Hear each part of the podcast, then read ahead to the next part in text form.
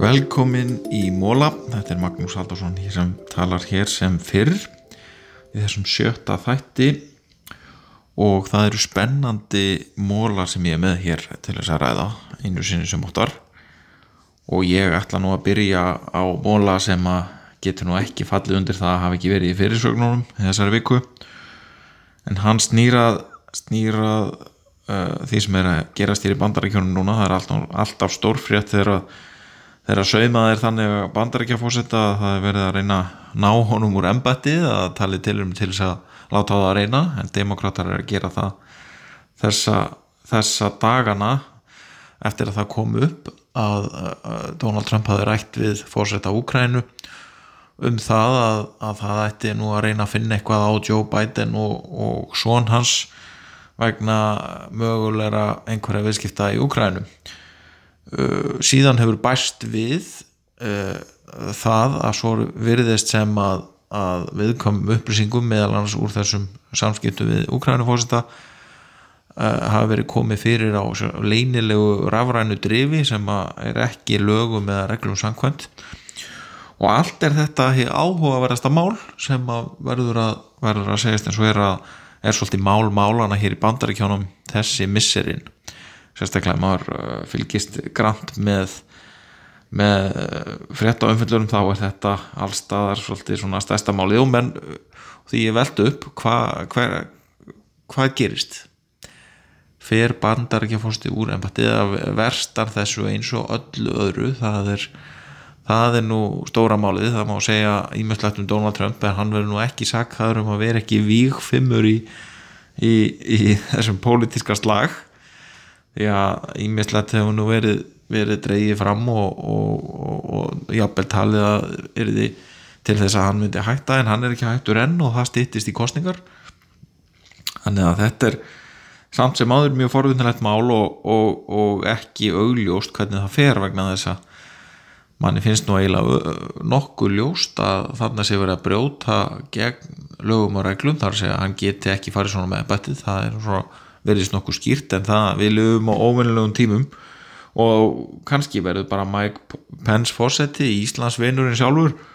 orðin, orðin eða komin í þetta ennbætti og við vitum af. Það, það skildi nú aldrei verða en, en uh, eh, fórhundnilegasta mál og, og ekki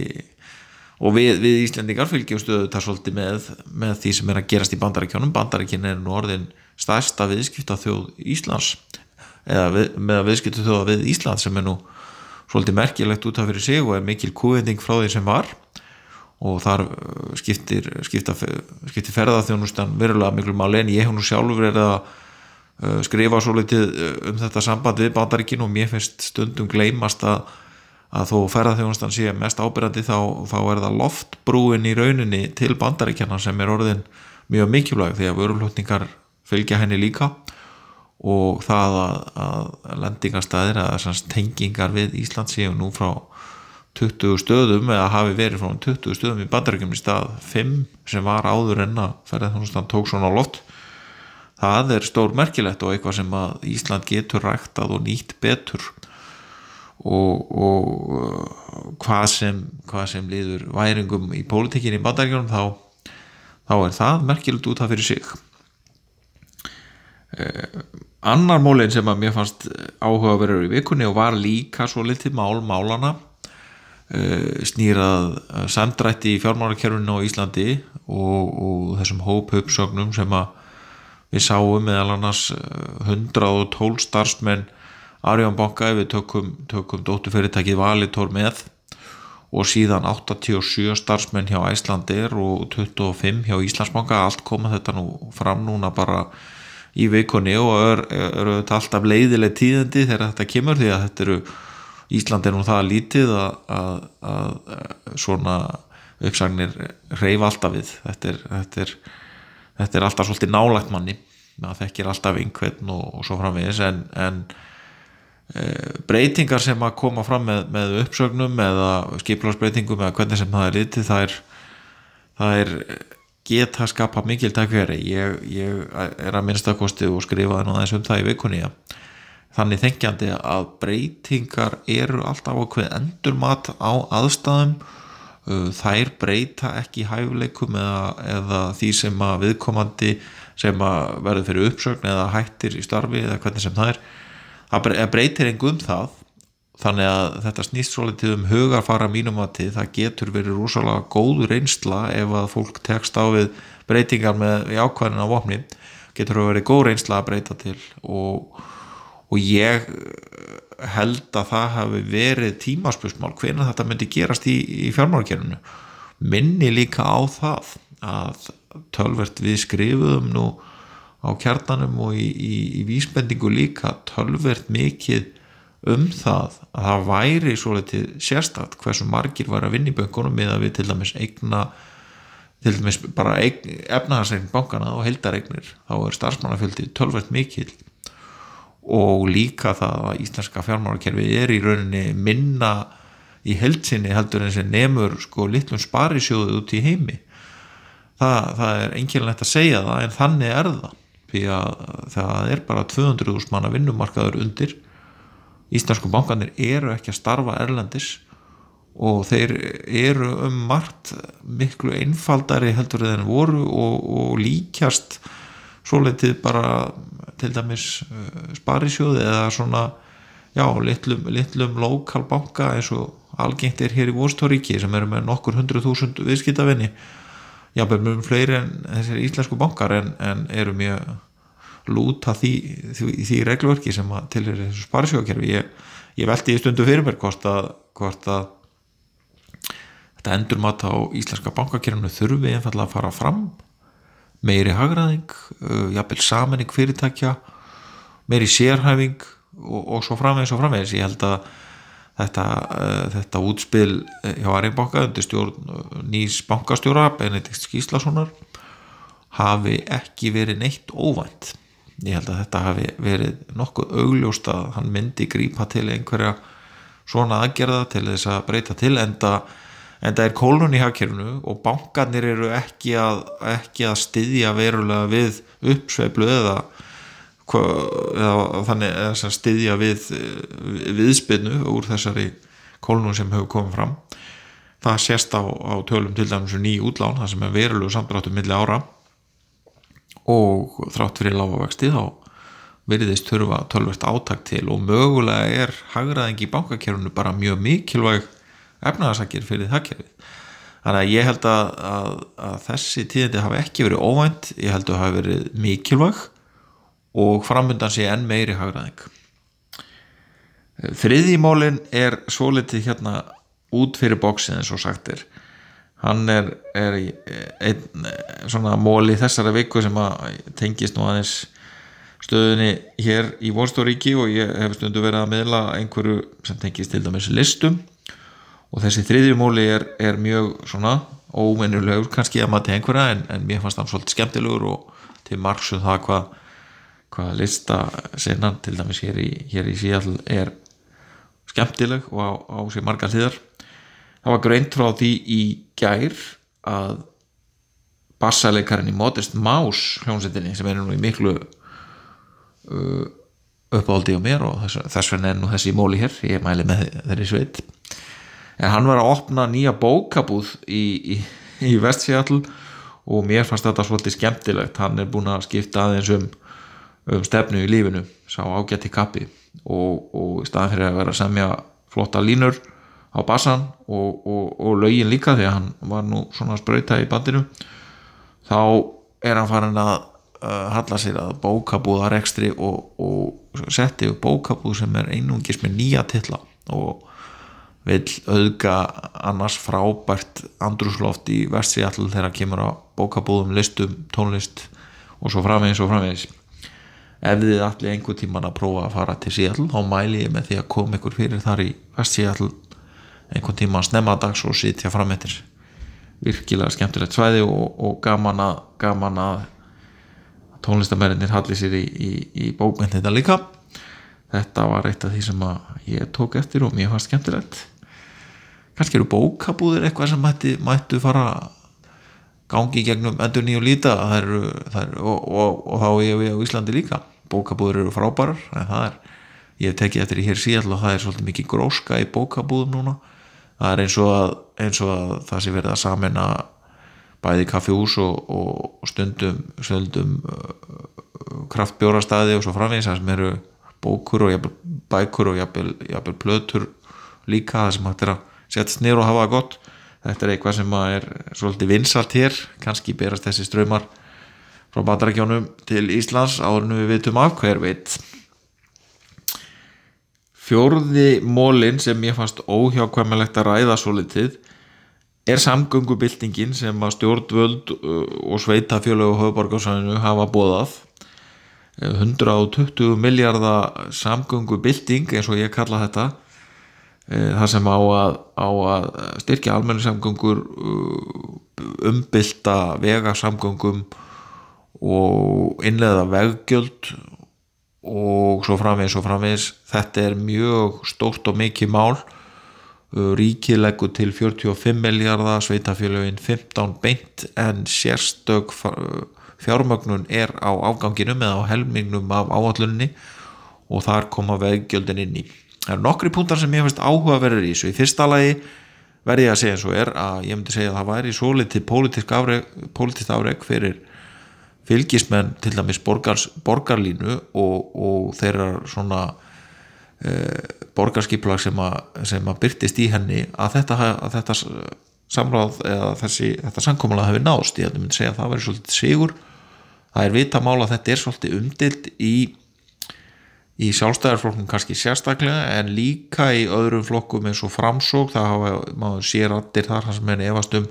efast um að það sé verið að fara rétt bæði varðandi veggjöldin og líka borgarlínu per se. Þetta er svona eitthvað sem hefur verið svolítið umdeilt og er kannski ekkert óeðalegt heldur. Ég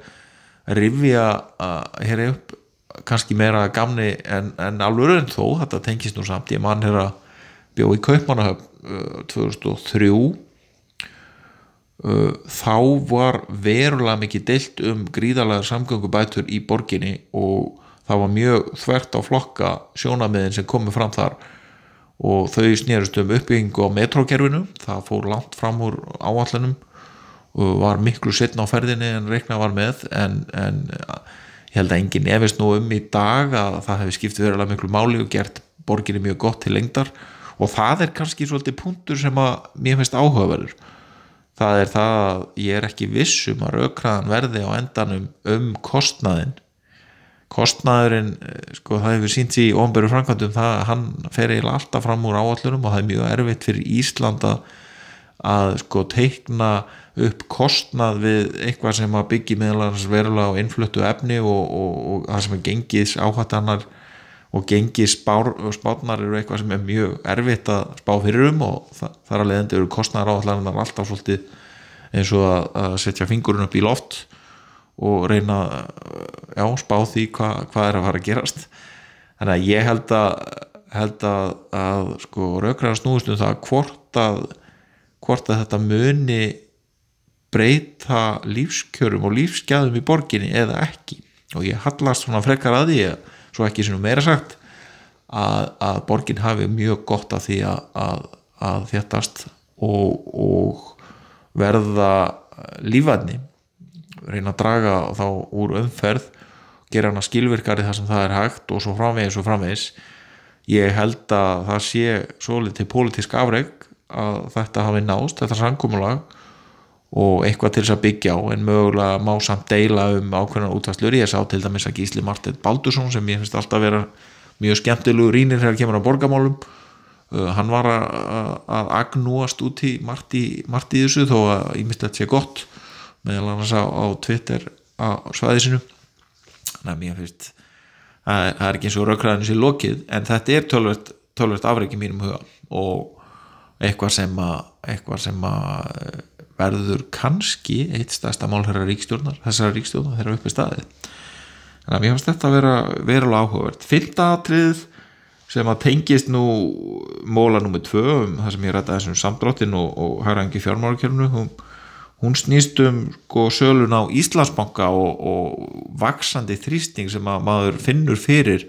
í þá átt að, að uh, selja Íslandsbanka annarkort að hlutæði heilt og þar er bankasísla ríkinsins, það er beinast svona spjótinn þar að koma færlinn á stað en, en á endanum er þetta alltaf pólitíska ákvörðun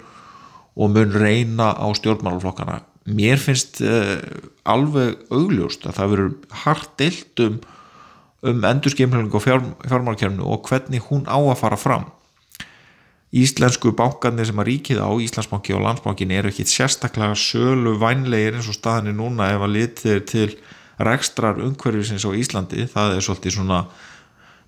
ekkit sérstaklega gott og, og svo má líka nefna eitt að fjárfestari er nú ekkit að kaupa bankum alla Evrópu þessi misserinn, alls ekki þvert á móti. Það eru minni fyrirtæki að spretta upp sem eru að, að koma sér fyrir inn á greiðslumiðlunar sillu til dæmis sem er að opnast verulega með laga og regluvarsbreytingum og, og tækni, það sem að tæknin er, er undirlegjandi og það er frekar að bankar sig að pakki vörn og endur skipulegja sig minka efnaðarseiningin í appel fækka fólki og svo framvegis og framvegis. Þannig að þessi e, þessi staðavanandi það hvort Íslenska ríkiði nú að fara að selja bankana er kannski líka spurning er, skynsal, er þetta skynsalegu tími er betra að fara fyrst í haraðingu jafnvel samin að banka í, í fjármálakerfunu og svo framvegis og framvegis? Mér finnst þetta áhugavert og það er mjög áhugavert líka velta fyrir sér leiðum. Hvaða leiði koma til greinaði því og hverju geta mögulega kipt bankana? Það er auðvitað beina spjótinu alltaf af, af lífyrirsjóðunum þeir geta, þeir hafa auðvitað fjárhásninga getur til þess að kaupa bankana og, og, og það er að gera þetta í gegnum skráninga á markað og útbóð eina sem er alveg örugt að veru mikill pólitískur þrýstingur um eða allavega frá almenningi skulum við segja á stjórnmálumennina er að allt fari nú fram fyrir opnum tjöldum, ég held að það sé að læra af þegar hvernig skelvilega var staða sölun á búnaðabankanum á sínum tíma og landsbankanum líka. Það þarf ekki að rifja það upp en, en, en er kannski eitthvað sem er óhjákvæmilegt þegar við erum að fara að leggja stað í að, í að breyta eignarhaldina á böngunum eða,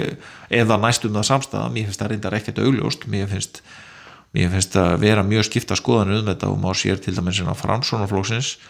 þar þar er ekki augljóst að, að, að það sé stefna flóksins að fara í að selja bankana. Það, er, það finnst mér ekki vera augljóst og það er þá helst bara sjálfstæðarflokkunum sem er að þrýsta áðum það samfélkingin til dæmis og vinstri græn uh, þau, þau eru ekki hafa ekki verið að tala mjög skýrt um það, það í að selja bankana þó að þetta hafi verið stefna uh, stjórnvalda að eiga burðar, burðar svona burðar eignir í bankunum en, en selja hann að hluta þá, þá er þetta ekki samt eitthvað sem þessi flokka brenna fyrir það er helst viðreist og sjálfstæðarflokkur sem hafi verið nokkuð skýrir um að það eigi að fara í að selja bankana og nota þá penningi í að fjárfesta í innviðum í, í, í samfélaginu. Þannig að þetta er, þetta er mjög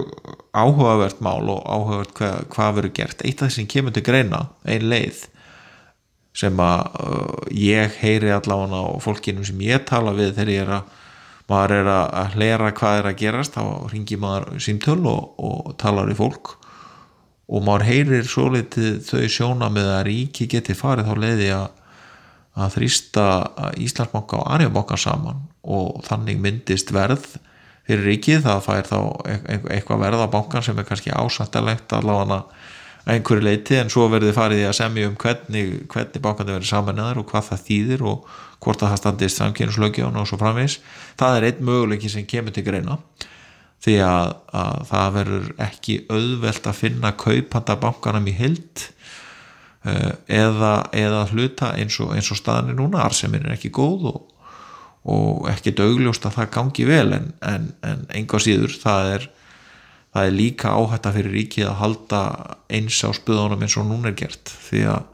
fjármálumarkaðin er að gangi einhver mikla, mikla breytingar og, og sé allavega með að við eh, stöðuna annar staðar í heiminum þá, þá er frekar að bankar sé að lenda í verulegri vörn og, og nýsköpuna fyrirtæki að taka við hlutverkum sem áður voru hjá í þessum höfböndum allheða böngum Takk fyrir að hlusta á hlaðavarp Kjarnans. Þú getur sott fleiri þætti um allt millir heimins og jarðar á vefnum kjarnin.is